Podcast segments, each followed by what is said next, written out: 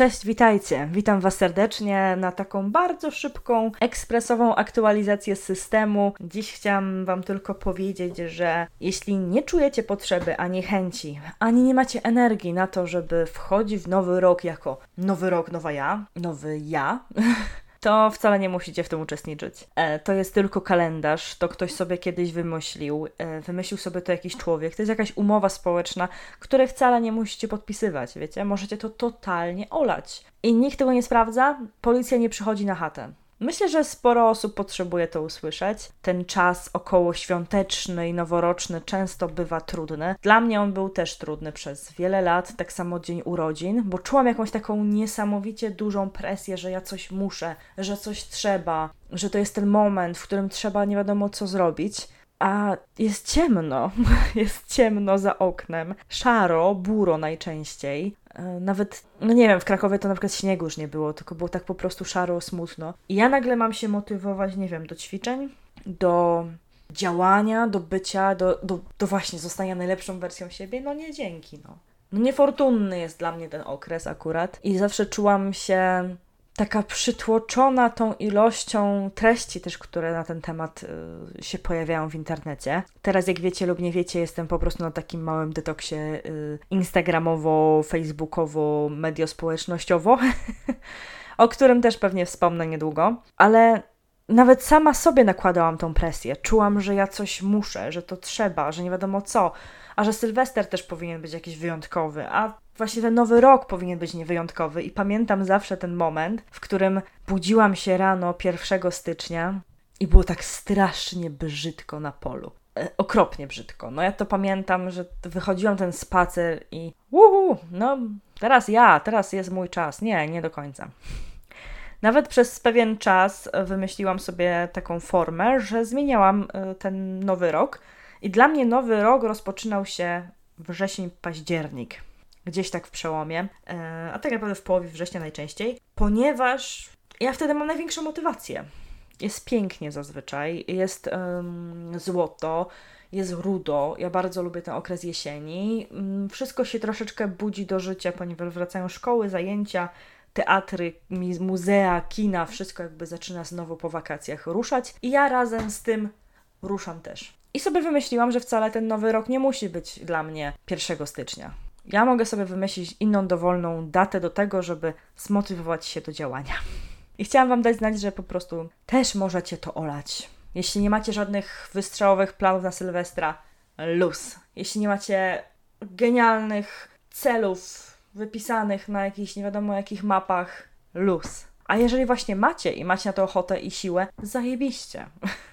A jeżeli jesteście gdzieś po środku, zajebiście. Wiecie, chodzi o to, żeby to było dopasowane do Was i do Waszych potrzeb i do tego, co w tym momencie czujecie. Jeżeli czujecie się przytłoczeni, jeżeli czujecie się zmęczeni, jeśli czujecie się, że to nie jest ten moment, żeby po prostu wszystkie swoje soki możliwe zbierać na to, żeby no dopasować się społecznie tak naprawdę, to naprawdę można to olać. Jeżeli chcecie sobie zrobić jakieś podsumowanko, to sobie zróbcie. Jeżeli wasz rok nie nadaje się w tym momencie do podsumowania i czujecie, że to was bardziej pokona, zmęczy i tak po ludzku zdołuje, to serio nie musicie tego robić. Posłuchajcie w tym wszystkim siebie. Posłuchajcie tego, czego wam potrzeba, co byście chcieli, a co podpowiada wam świat, bo są dwie takie ważne rozróżnienia. Są dwa takie ważne roz, rozróżnienia, czego ja chcę, a czego oczekuje ode mnie świat. Jest takie bardzo fajne sformułowanie, które też y, używam w swojej głowie bardzo często.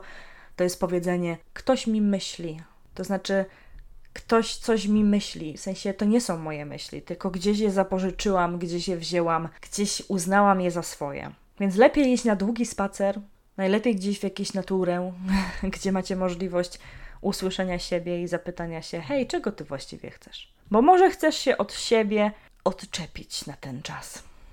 Może chcesz puścić i może chcesz przespać nawet Sylwestra. Jakby to też nikt nie sprawdza. Można w Sylwestra iść o 22 spać.